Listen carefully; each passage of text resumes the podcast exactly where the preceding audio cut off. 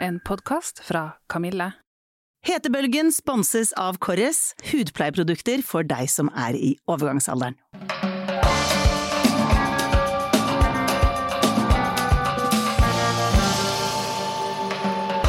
Hei, jeg heter Dora Thoralsdottir. Jeg er 49 år, og jeg er omtrent ett kvarter unna at overgangsalderen slår til for fullt. Vi lever i en tid hvor vi ikke snakker om denne tiden av livet. Det er mye hemmelighold, det er skamfullt og faktisk tabu. Men det vil vi gjøre noe med. Vi trenger å snakke om det, åpne opp og dele erfaringer, og ikke minst snakke med eksperter som kan masse om temaet. Velkommen til Hetebølgen. Hei og velkommen til ny sesong av Hetebølgen. Dette her er podkasten for deg som er litt nysgjerrig på hva er det som skjer med oss damer når vi begynner å bli litt eldre og går mot den fasen hvor vi slutter å være fruktbare, for å kalle en spade for en spade. Da skjer det mye med kroppen, og det er mange som ikke vet så mye om det, og det er det vi driver med her, rett og slett god gammeldags info til folket. Og med oss nå så har vi da lege Marianne Nattvik, og det er ikke tilfeldig at vi har bedt deg tilbake her, Marianne, for jeg tenker at det er ikke nok med at du skriver doktorgrad om temaet, som jeg vil gjerne høre mer om, men du har jo også et veldig brennende engasjement for tematikken. Så jeg vil bare ønske deg først hjertelig velkommen tilbake igjen. Tusen takk, det, dette er veldig stas å være tilbake. Så vi har nå litt tid til å snakke litt generelt om overgangsalderen, og så har vi vært så heldige at vi har spurt lytterne våre om spørsmål, som vi da tar etter hvert. Først, jeg vil gjerne høre om doktorgraden din, fordi at jeg vet at du har hode, hender, bein og hele kroppen dypt inn i det som vi nå har fokus på. Hva er det du skriver om, og hvordan går det? Jeg, ja, det er riktig at liksom hele meg er litt inne i dette overgangsalder, eh, denne tiden, i forhold til at jeg er så utrolig opptatt av at jeg tenker at her, her kan vi få det bedre enn det man kanskje har hatt. Um, og det jeg har da lurt på, er er det et informasjonsbehov? Ja. Det, det, har vi jo inntrykk av. Mm, Men jeg har lyst til å prøve å få litt tall på det, da. Så nå har jeg samlet sammen spørreskjemaer. Over 800 kvinner har bidratt til studien min, og så har jeg analysert tallene. Og de er jo, hva skal man si, kanskje litt hemmelige enda. Eh, men jeg holder på nå og skal skrive artikkel, og kjempespennende å få lov til å være med i den debatten rundt hvordan vi kan gi god omsorg for kvinner i overgangsalderen, og at dette med informasjon, ikke sant, vi, snakker om at vi har sykeliggjort overgangsalderen, eller vi har medikalisert den da vi kom med, med medisiner og sa at eh, alle kvinner, det var jo en periode vi ville gi hormoner til alle kvinner, som særlig på 1990-tallet. Og da, da, gjorde vi jo på en måte kvinnen til en pasient når vi sa at hun måtte ha medisiner for å ha det bra. Og, da, og så har det liksom blitt en sånn medikaliseringsstempel. Medikalisering betyr at man behandler et normalfenomen med medisinske termer eller behandling. Og så, øh, og så tenker jeg at eh, vi må i denne sammenheng, hvis vi skal kalle det å snakke om overgangsalderen for medikalisering, så trenger jo ikke det å være negativt. Ikke sant? Det å bli opplyst på et helsefenomen, det er ikke negativt. Det kan gjøre at vi rett og slett kan hjelpe oss selv på en bedre måte. Ja. Jeg vil gjerne, før vi begynner nå, ta litt overordna om overgangsalderen. Litt sånn overgangsalderen for dummies. Altså vi legger, tar det helt ned, ikke på de sære små fenomenene, men bare sånn helt overordna. Kari Nordmann, som bor i Norge, gjennomsnittskvinnen over alle gjennomsnittskvinner. Hvor gammel er hun cirka når hun kommer i overgangsalderen? Hvilke symptomer har hun? Mm. Bra spørsmål. Hva er det vanligste? Vanligste. Og i Norge så er vi så heldige å ha dette ordet overgangsalder. Og så blander vi fort med noe pause inn i det samme, og det er ikke egentlig helt det samme. Kan du um, ta ordene hver for seg? Ja, men noe pause er siste menstruasjon. Og siste menstruasjon for Kari Nordmann er mellom 51 og 53 år. Mm. Mm. Og den bestemmer vi på en måte eh, Hvordan vet jeg når, hvilken som er den siste, da? Men når hun har vært tolv måneder uten, det var den siste menstruasjonen. Og da er hun på en måte gjennom egentlig menopausen. Det er egentlig akkurat en dato. Siste menstruasjon. Men overgangsalderen rommer jo tiden rundt denne siste menstruasjonen, og symptomene kan starte før siste menstruasjon kommer, altså både at menstruasjonen i seg selv blir uregelmessig, at hun kan oppleve hetetokter, humørsvingninger, søvnforstyrrelser, smerter, muskel-skjelettsmerter. Og det vil jeg si for sånn vanlig fra 45 år. Da begynner det. Da kan sånn det begynne. I det, det små. Mm. Mm. Mm. da kanskje noe forandrer seg litt, og det trenger ikke å være så stort, og det er ikke sikkert man egentlig helt reflekterer så mye over det heller. Og, og jeg mener ikke at man skal gå rundt og kjenne på det hele tiden og begynne å tenke er det noe galt med meg, eller er det er, det, er jeg syk, eller altså det, Men det er kanskje det man gjør først, da, fordi man ikke helt har skjønt eh, at det er overgangsalderen som er på, på gang. Men, men, det er ikke det at vi skal gå rundt og lete etter symptomer. Den derre symptompraten vi har rundt overgangsalderen, er ikke for, å, for at vi alle sammen skal liksom være sånn helt på tuppa og vite akkurat når vi er i overgangsalderen, men, men mer en prat for å vite at hvis du får symptomer som påvirker livskvaliteten din, så kan du få hjelp. Og for å få en forståelse av hva som skjer med kroppen min. Mm. Mm. Ja. Kari Nordmann.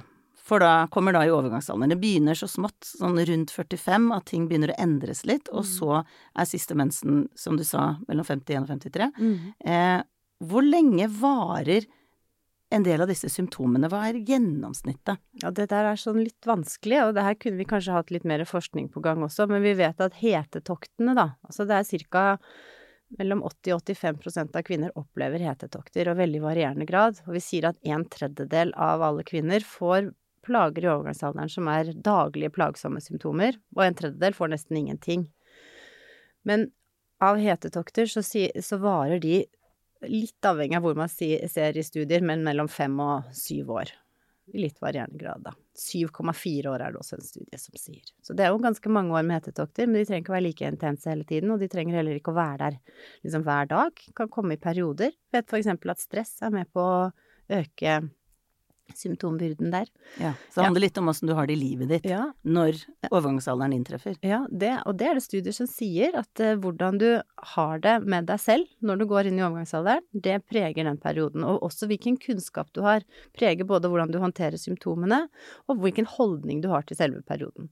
Og dette kjenner vi jo igjen, ikke sant, ting vi kan litt om, og det, det takler vi kanskje bedre. Da blir det den gjenkjennelsen vi kanskje trengte, så vi blir ikke så urolige. Og også tenker jeg at hvis vi har det bra med oss selv, altså hvis vi møter sånn helt generelt i livet, hvis vi møter på en utfordring og er helt utslitt fra før, så blir jo det ekstra vanskelig. Men hvis vi liksom å ja, har litt overskudd, og så kommer det en utfordring, så tar vi den bedre. Det, det gjelder også overgangsalderen, kan man si det sånn. Mm.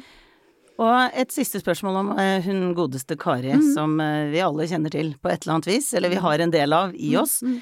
Hvis hun tenker, vet du hva, disse hetetoktene begynner å bli ganske plagsomme, det er søvnproblemer, uh, nedstemthet, jeg har lyst til å prøve meg med hormonterapi. Mm.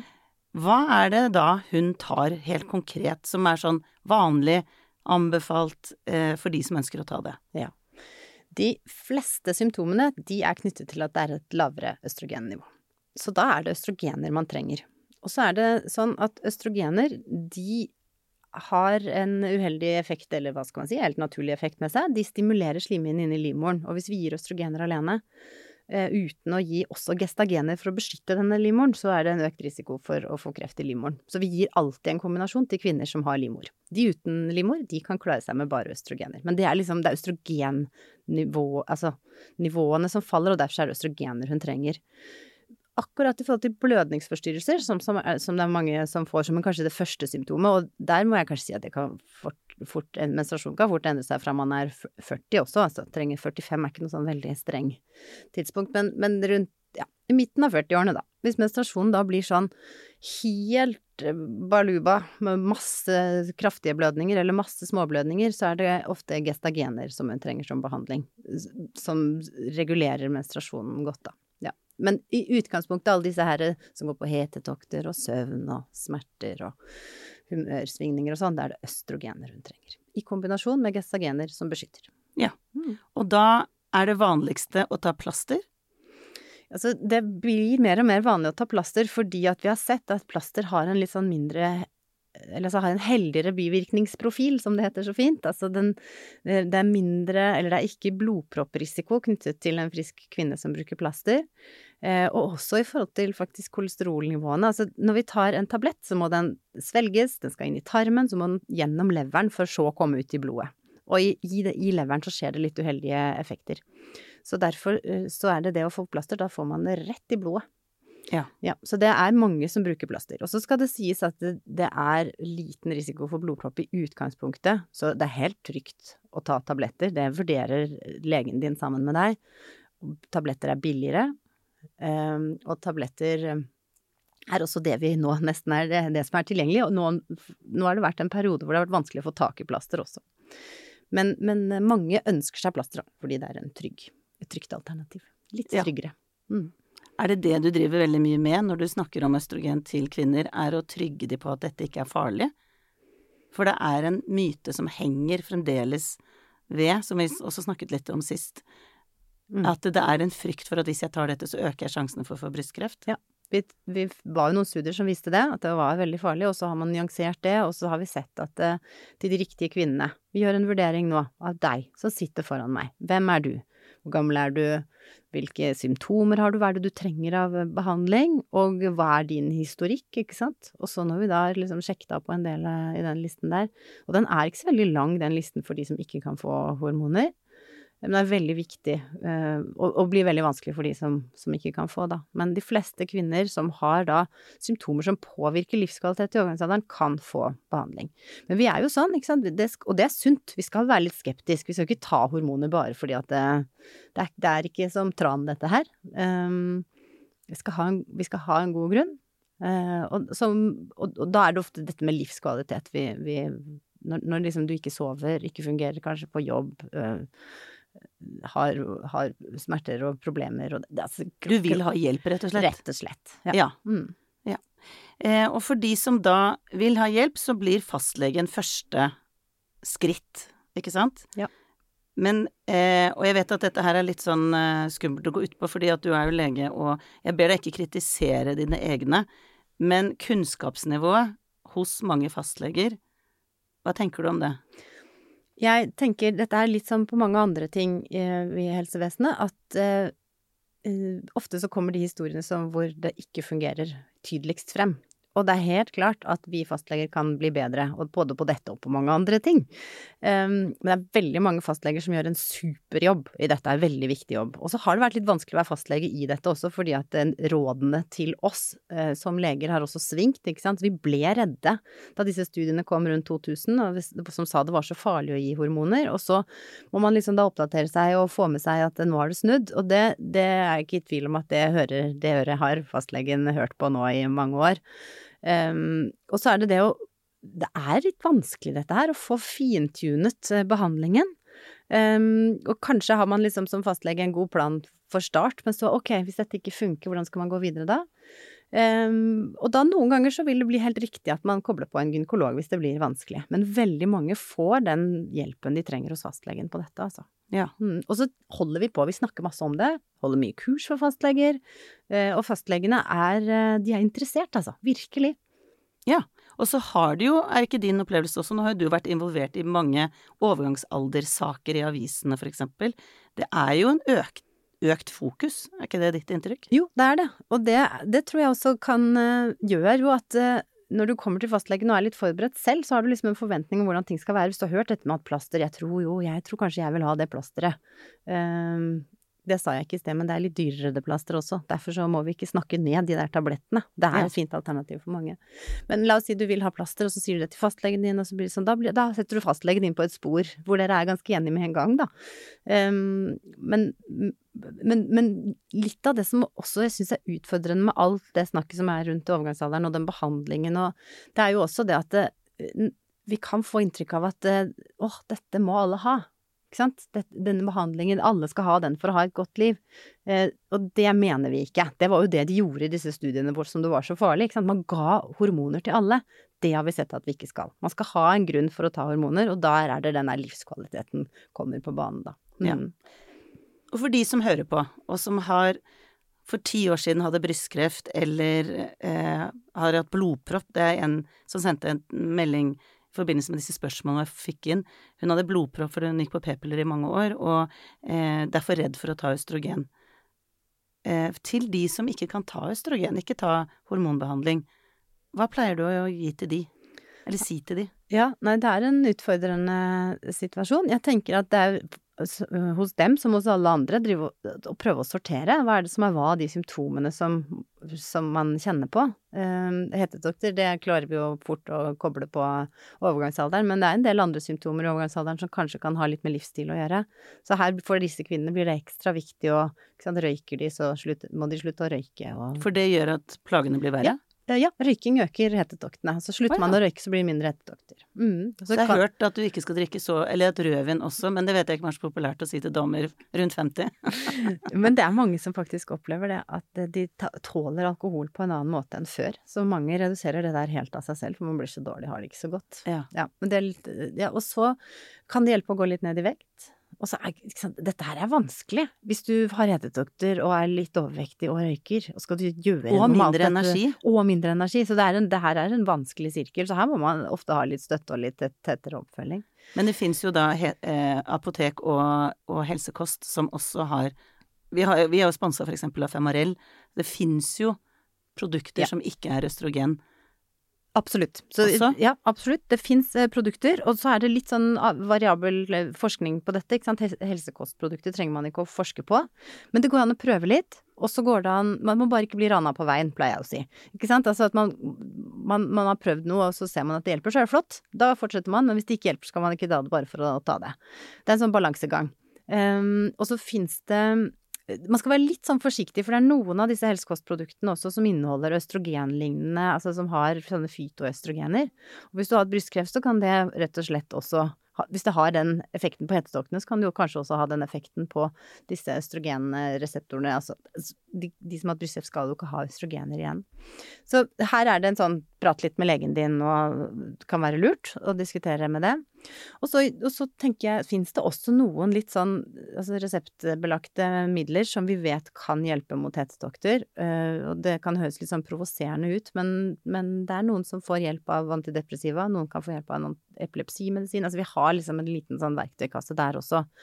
Eh, og så er det, tenker jeg for disse kvinnene også, noen ganger så er det mye hjelp i det å få lov til å fortelle om symptomene sine og eh, finne støtte og eh, forståelse for at dette er kjempevanskelig, og så må man jobbe sammen med å finne en viss aksept for noe av det, da. Man blir kanskje ikke kvitt alt, men noen av alle disse verktøyene som er her, kan kanskje hjelpe. Så det er egentlig Kari Nordmann har et arsenal av muligheter. Finne ut av det sjøl, på et vis. Fordi at dette her er jo ikke one size fits all i det hele tatt. Og jeg tenker, på en måte så er for eksempel menn med ereksjonsproblemer, vær så god, her har du Viagra, problem solved. Mens kvinner i overgangsalderen, det er varierende grad av eh, symptomer og hjelpemidler og Ikke sant. Det er en jungel. Og det er det jeg tenker at det er derfor litt vanskelig å snakke om, fordi at det er så individuelt. Men eh, det handler jo da om å gå til første skritt, som er å snakke og dele det, eh, og fastlege, og få liksom et opplegg i gang hvis dette her går hardt utover livskvaliteten. Ja. Og tenker også en sånn følelse av at man har laget kanskje en plan med fastlegen sin. Nå prøver vi dette, kan jeg få komme tilbake igjen? Altså ut, gi uttrykk for at du har lyst på litt følge i denne perioden, at man har litt kontakt i denne perioden. Så vet vi at trening er kjempeviktig. Ikke sant? Så den, dette er en tid, uavhengig symptomer eller ikke egentlig, men ekstra effekt ved symptomer, hvor vi kanskje skal se litt på hvilken livsstil har vi. Hva spiser vi, hvor mye beveger vi oss, får vi nok søvn? Alle de litt kjedelige, men riktige tingene eh, som vi vet om, som vi kanskje liksom Nei, det går så fint, og vi har kjørt, kjørt på i mange år, men nå blir det enda viktigere å sette fokus på seg selv. Og så er det en litt sånn periode hvor man er litt sånn i sandwich, da. Kanskje har man ansvar for både eldre foreldre og eh, egne barn, og travelt på jobb, for karrieren begynner å ta Altså, det- er mye som skjer i denne tiden her. Så den sorteringen på hva som er hva, og hva man kan liksom kanskje sortere ut og gjøre noe med utenom liksom reseptblokk, eh, apotek, det er også viktig. Ja. Mm. Og så, på toppen av alt, så kommer det enda en Jeg skal ikke kalle det en brannfakkel, men, men det, de setter i gang litt sånn uro med en gang man sier testosteron. For det er liksom Det er et kjønnshormon som tilhører mennene. Jeg vet at kvinner produserer det òg, men så er liksom Skal man tilføre det? Eh, får man mer økt, økt sexlyst, for eksempel? Litt mer energi?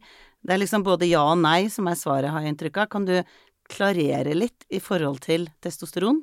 Var utro, en utrolig fin måte å stille det spørsmålet på, Dora. Jeg, eh, fordi det er akkurat så vanskelig som det. Jeg skal prøve å svare så godt jeg kan. Altså, jeg syns dette med testosteron har blitt litt sånn haussa opp. Um, og det skal ikke kimses av at hvis man får testosterontilskudd, så kan man fint få bivirkninger som man ikke ønsker seg. Litt sånn økt behåring og hårtap og litt mørkere stemme og ikke sant. Altså, man får litt du sånn selger ikke inn når du sier det, akkurat. Nei, men jeg syns man skal det også skal For det har jeg ikke snakket så høyt om, akkurat det. Men, det er vel hvis du tar for mye? Ja, altså, nei, ja, hvis noen kvinner er følsomme på det, da, og kan få de litt fort. selv med små doser, ja, for, så vi, for vi er jo veldig når man, Hvis man skal få testosteron altså gr- indikasjon, som vi kaller det, altså eh, grunnen til å kunne ta testosteron er nedsatt sexlyst. Og det er punktum egentlig etter det, altså. Vi har ikke noe forskning ah, så det er direkte det Ja. eneste det funker på? Det er, nei, eller det vet, jeg, det vet vi ikke noe mer om, men, eller det vet vi ikke helt nok om, kan man si det sånn, men det er indikasjonen for å skulle gi det for meg som lege. Og det vil også østrogener hjelpe for. Så ofte så er det at man prøver med østrogener først, fordi det tar ofte en del av de andre symptomene som er en del av pakka. Hvis man har bare ren sex, eh, nedsatt seksuallyst uten noe annet, så må vi begynne å sortere mye, ikke sant. Er det forholdet, er det livet, er det Det er sjelden vi begynner med bare testosteron også for dem, da. Men østrogener først. Og så er det noen Testosteron er en del av verktøykassen min som lege, men det er en liten, veldig liten del. Det er så lite forskning gjort på testosteron. Vi vet ikke noe om, om sikkerhet utover to års bruk. Og vi vet også at det er en del selv med normal Altså vi følger når vi skal gi testosteron, så er det blodprøver. Uh, først og ved oppstart, så etter seks uker, så to ganger i året. Uh, og vi følger ganske tett med på nivåene av testosteron, så det trenger den, de bivirkningene kan godt komme på doser som er innenfor normalen. Men, men uh, ja. Mm. Så jeg, jeg ja, ja, det fins. Og så sier de som har gitt dette mye eh, Noen sier at det, det er jo selvfølgelig at det hjelper på mer enn bare sexlysten. Noen opplever mer energi, og det ligger flere positive egenskaper eller ved den testosteronbruken. Men, men dette her er jo noe kanskje noe av det vi ikke egentlig kan nok om. Kanskje burde tas, forskes litt mer på, men per i dag så har vi ikke en har vi ingen grunn til å skulle gi testosteron til alle kvinner. Det er ikke noe quick fix for kvinner å få det. Nei, nettopp. Hetebølgen sponses av Korres. Det er en gresk hudpleieprodusent som bruker kun naturlige ingredienser. Og hvorfor sponser de oss? Jo, fordi de har laget en serie retta til kvinner i overgangsalderen som heter White Pine, og det er for alle oss som ønsker å reversere huden tilbake til sånn huden var før. Dette her får du kjøpt på alle Vita-butikker.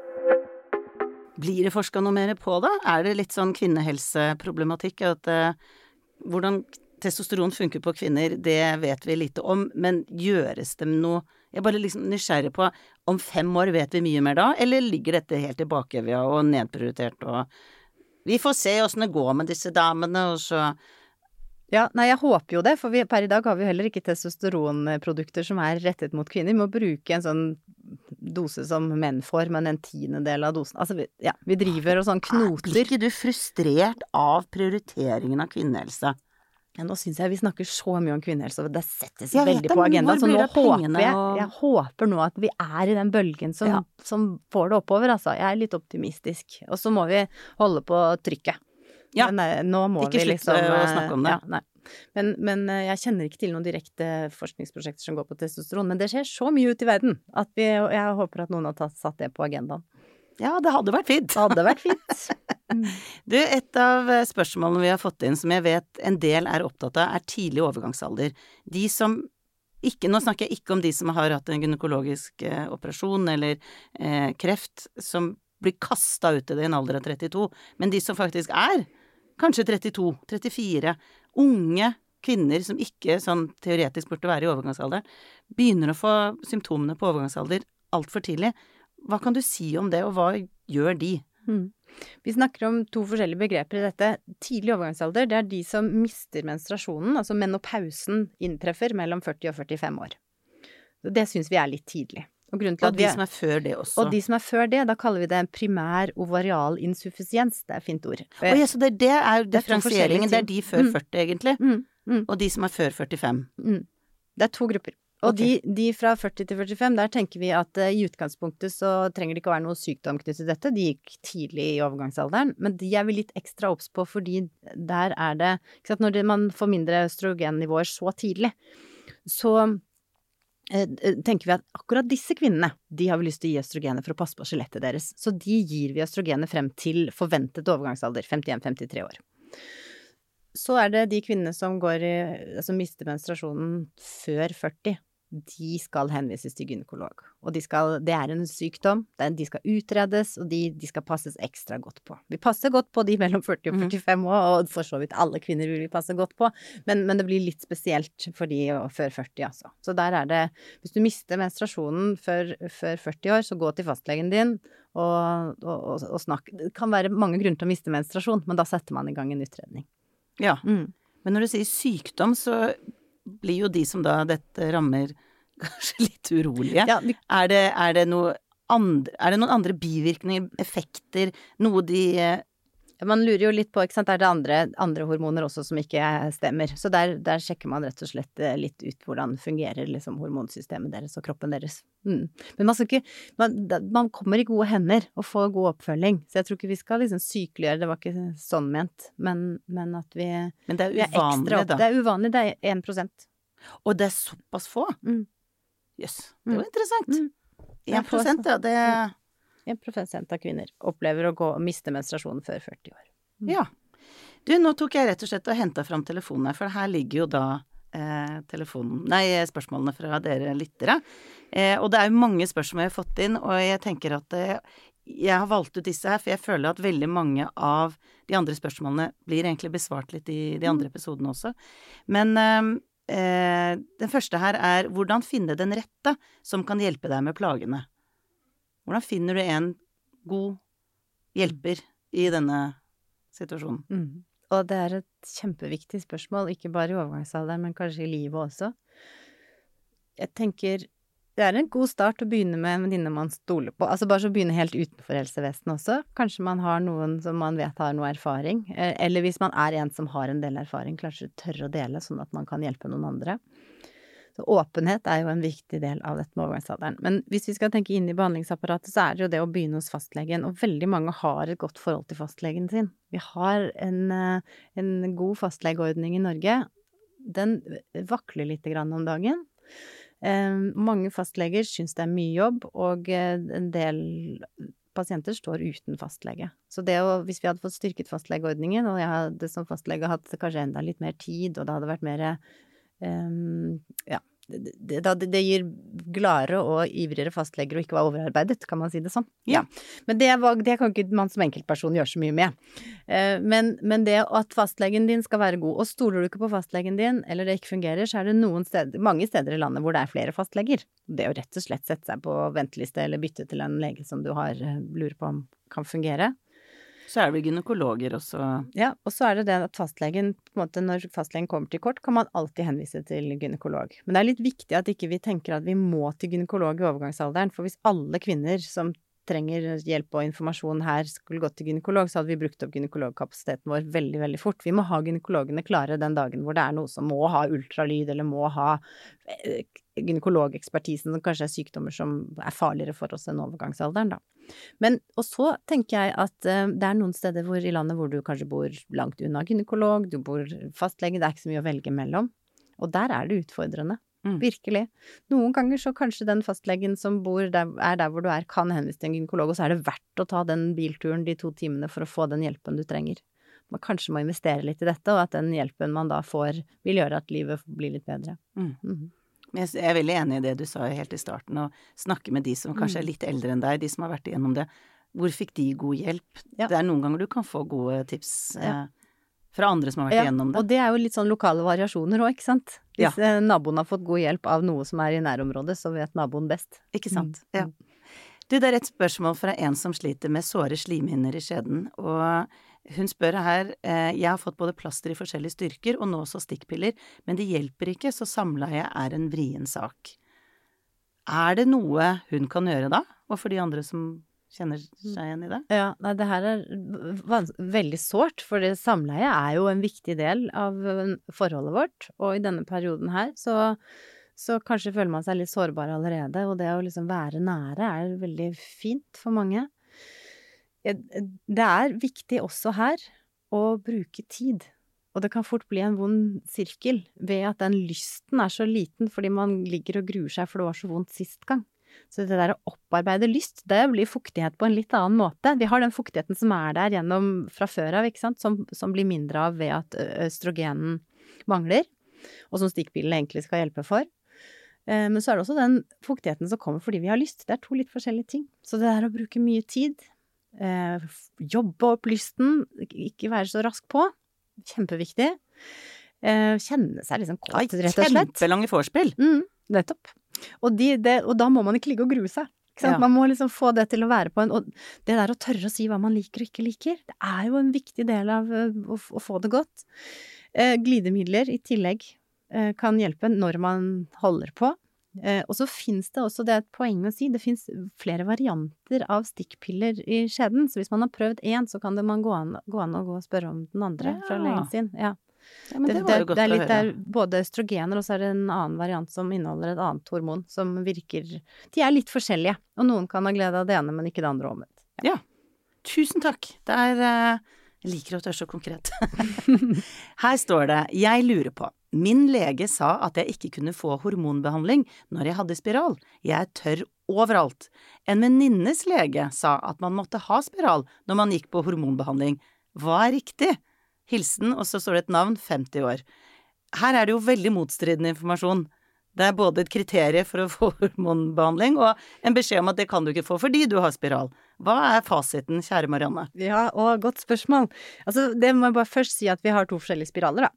En er en kobberspiral, som egentlig er som å ha ingenting i denne sammenhengen her. Det er bare prevensjon. Det er ikke noe hormoner i. Så den snakker jeg ikke om nå. Nå snakker jeg videre om hormonspiralen. Hvis man har en eh, hormonspiral, så er det absolutt ingen grunn til å ikke kunne få hormoner i overgangsalderen. Så det høres ut som at hvis man har forstått den legen rett, da, at det ikke er noen misforståelser her, så var det litt rart sagt, tenker jeg. Ja. Har man en hormonspiral, altså det, jeg tenker ofte at det er en ganske god måte å posisjonere seg på. Eh, fordi en hormonspiral, da er det den hormonspiralen som er den største, og det er bare den som heter Mirena man kan tenke på i sammenheng videre her for å beskytte slimhinnene. Men jeg skal ta det litt i trinnvis hvis man som kvinne, begynnelsen av 40-årene, trenger prevensjon, da er hormonspiralen kjempefin. Den gir deg da prevensjonen. Og så gjør den også, hormonspiralen har den effekten på slimhinnen inni livmoren at den eh, nedregulerer cellene, sånn at man blør mindre. Så at, i og med at blødningsforstyrrelser kan være et av de første symptomene for mange kvinner, så vil hormonspiralen da også hjelpe mot det. Så du har prevensjon, og så har du eh, litt sånn kontroll på blødningene.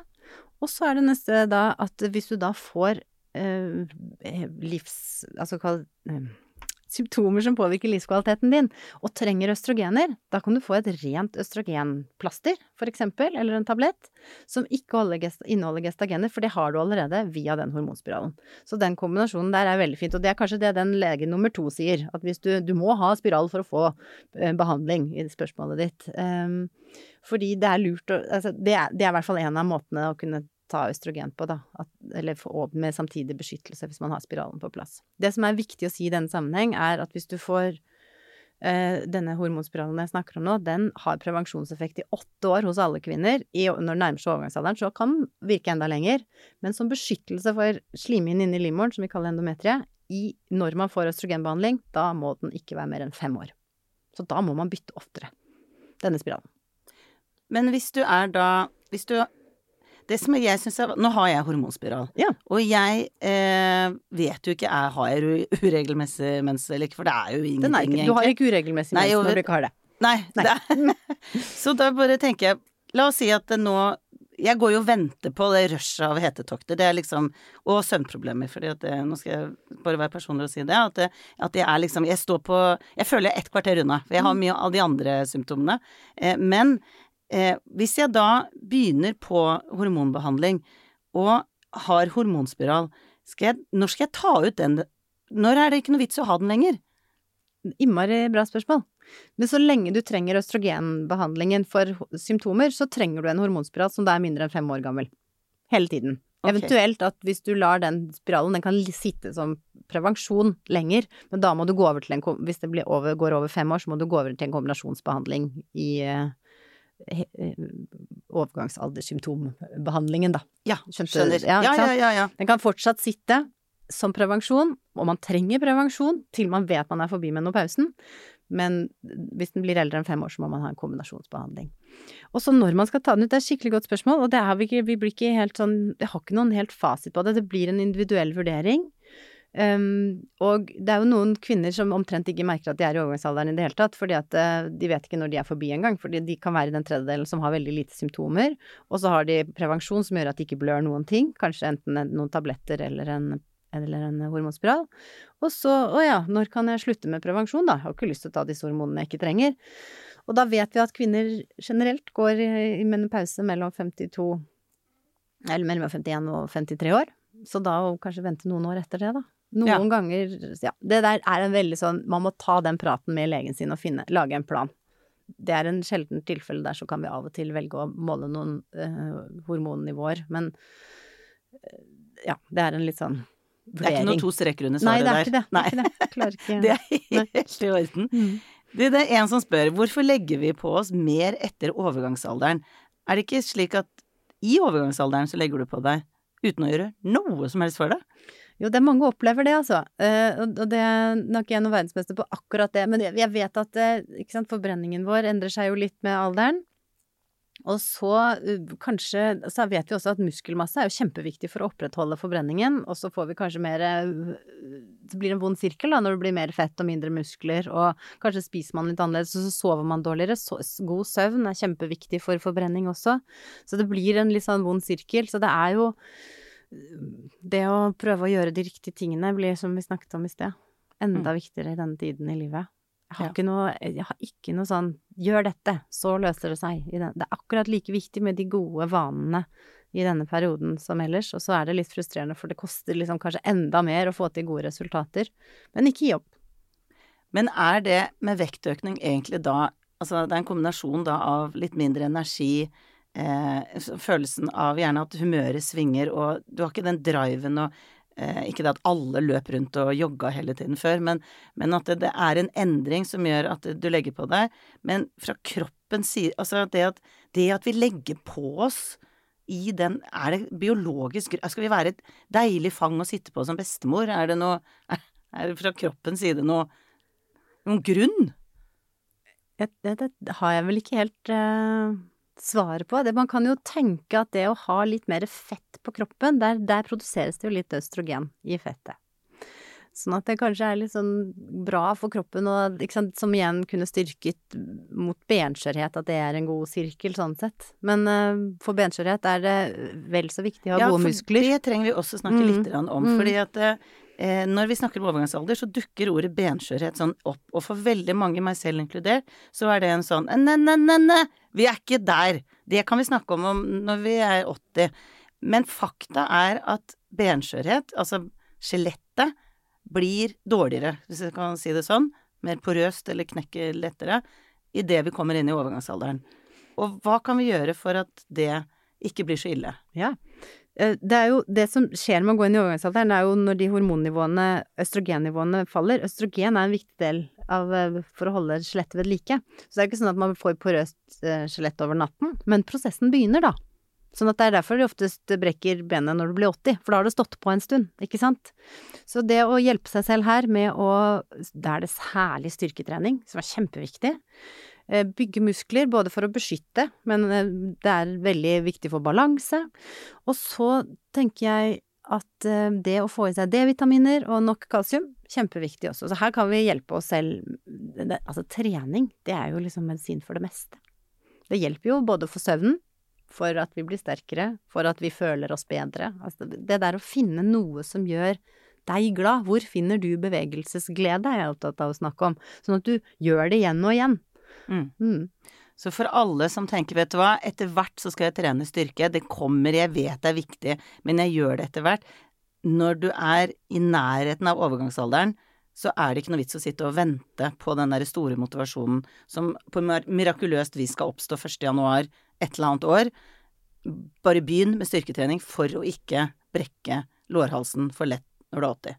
Helt rett. Ja. Ok. Nei, men det Jeg liker det konkrete. du, det er en som spør her, hva er grunnen til at hetetoktene er verst om natten? Det er, tror jeg er litt sånn forskjellig, for det er det ikke alle som opplever. Noen syns det er verst om dagen. Så her er det en som opplever akkurat dette. Men nattesvette er jo en av symptomene. Det er en av symptomene. Mm. Og da er det jo en del som opplever det, og vet vi noe Hva er grunnen til at det skjer på natten? Det er Altså- ikke veldig praktisk. Veldig upraktisk. Det er jo egentlig ganske upraktisk på dagen òg, Ja, alle møte. symptomene er jo Ja, egentlig ikke ja. så veldig praktiske. Nei, det, er ikke, det kan vi være enige om. Det er et ork av livmor. Dette med hetetokter, det, det er, vet vi egentlig ikke helt hva som skjer. Vi vet at det har noe med østrogen å gjøre, og vi vet at det har noe med termostaten vår å gjøre. Men vi, liksom den derre fintuningen og hva det er som egentlig skjer, kan vi ikke helt noe om. Så, og, og det er som sagt veldig variabelt. Noen har det om natten, noen har det om dagen, noen har begge deler. Noen har det annenhver natt, og noen har det kanskje tre netter, og så har de ingenting. Så, Det er så variert. Mm. For det som er at altså, du har tenåringstid hvor vi blir fruktbare, men da skjer det jo Du kan jo lage en liste. Det er jo dette og dette og dette skjer i kroppen, og så begynner det kanskje når du er rundt 11, da, bare for å ta noe, og så er du til ca. 16. Det er mer konkret. Det her er så diffust, og så Det er så svært lerret å, Mm, å ja. fylle, for det er så mye forskjellig. Jeg tror vi har ganske ulik puberteter også, men vi har kanskje reflekterer ikke så mye over det. Vi er ikke helt ja, er der sant. selv. Um, og noen blir sinte, og noen blir ikke sinte. Ikke sant? Vi har vært, eh, jeg tror Hvis foreldregenerasjonen ble spurt om hvordan tenåringene deres var, så er det mange forskjellige svar. Men, men um, og, og så plukker vi kanskje som utenforstående ikke opp alt som skjer i tenåringen, og så husker vi det ikke så godt selv når vi er langt unna og sånn. Men det er helt sant, det skjer mer ting. Men det handler også om, tror jeg, en kombinasjon med at det er en kropp som begynner å bli eldre. Og det er jo nok en gang dette med den sorteringen. Hva er egentlig hormonendringene, og hva er det at vi, vi, vi rett og slett Vi er ikke 20 år eller lenger. Um, og det er jo litt av det som er litt sånn Tenker jeg er grunnen til at vi også syns det er vanskelig å snakke litt om overgangsalderen, da. At det, det er så koblet på aldring. Men jeg, jeg syns det er viktig å være litt sånn optimistisk i dette. Vi skal leve omtrent like lange en gang til, og vi kan, eh, ikke sant, når vi kommer i overgangsalderen. eh, Og vi kan gjøre noe for oss selv der, i, i det at vi mm, hjelper oss å få gode, gode år. Og det skjer så mye gøy. Jeg syns det er eh, jeg har lyst til å nevne at på kinesisk så betyr overgangsalderen, altså når vi oversetter ordene, en ny vår. Å, den er god. Er god. Ja, den er nydelig. Ja, det er noe overgangsoptimistisk i det der, ikke sant? At vi, at vi bestemmer oss selv for at det, det, her er, det har litt med holdningen vår å gjøre. Dette er ingen undergang, men det kan være en veldig tøff overgang. Og da søke hjelp hvis det er, står, står på, og hvis det blir for mye. Og så tenke at det, det å bli gammel, det, det er flott. Vi er heldige som får lov til å leve videre. Det er jo bare oss og to hvalarter som lever etter overgangsalderen. Så det er noe litt sånn unikt evolusjonistisk med oss som gjør at vi får lov til å Så vær litt fornøyd med at det er oss og to hvalarter som får oppleve overgangsalderen. Ja, men jeg tenker liksom at vi skal, vi skal eh, Den overgangsalderen er liksom snakket så innmari ned, og det er jo det ikke sant, Når vi snakker om alle de symptomene vi har vært på nå også, så, så er det veldig mye negativt på en måte litt sånn rundt det. Ja. Og i kulturer hvor, hvor det for en kvinne å komme i overgangsalderen eh, kanskje gir henne en ny, en ny posisjon i samfunnet, kanskje en ny, mu, nye arenaer hun får komme til fordi hun ikke blør lenger. Altså det er jo Kulturer har mange aspekter. Der er ikke overgangsalderen opplevd like tøft som den er i vår ungdomsorienterte vestlige kultur. Så Ja. at det der å ta med seg litt av den derre verdigheten og modenheten og liksom respekten for seg selv inn i overgangsalderen, viktig. Jeg likte veldig godt at du hadde en litt sånn positiv eh, inn, Ja, en liten tale her om det, det gode. For det er det jeg tenker også at jeg har lyst til å avslutte med, er jo hva er fordelene med å gå gjennom overgangsalderen og komme ut på den andre siden? Nå sa du litt, da, men Ja. Nei, men jeg tror det er en annen side kanskje også, at vi rett og slett sånn reflekterer litt over ting. Det er ikke en selvfølge lenger. Kroppen er ikke noe Det skjer noe med meg. Kanskje tar man litt tak og gjør ting som gjør eh, Tar noen valg, da, som gjør at man får det bedre, og at de neste årene eh, også blir bedre. Um, og så, så tenker jeg at det er, en, det er en frihet fra en del ting også. som for Um, menstruasjonssyklusrelaterte uh, plager.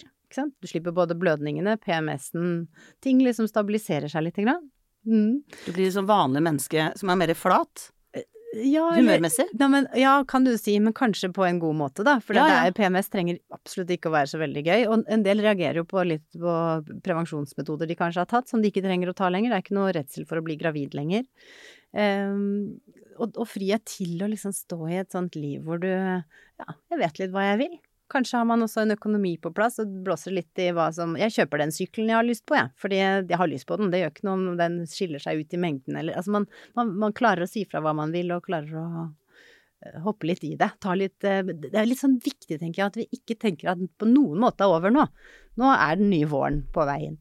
Åh, det, jeg elsker at du hadde den positive vrien der, fordi det har vi egentlig lite fokus på. Og jeg har også lest at eh, med østrogen, når det går ned, så er det litt sånn omsorgs... eh, at du skal ta vare på alle andre, og når da østrogennivået faller, så er det litt mer sånn nå er det min tur. Nå kjøper jeg den sykkelen jeg har lyst til, til 40 000, for det er faen meg mine penger, og jeg gjør hva faen jeg vil. At det er litt mer sånn brette opp armene og ut i livet og eh, det kan vi kanskje glede oss til, da, når vi går igjennom disse symptomene, at vi kommer jo faktisk ut på den andre siden. Kanskje enda sterkere, enda mer modne, enda klokere.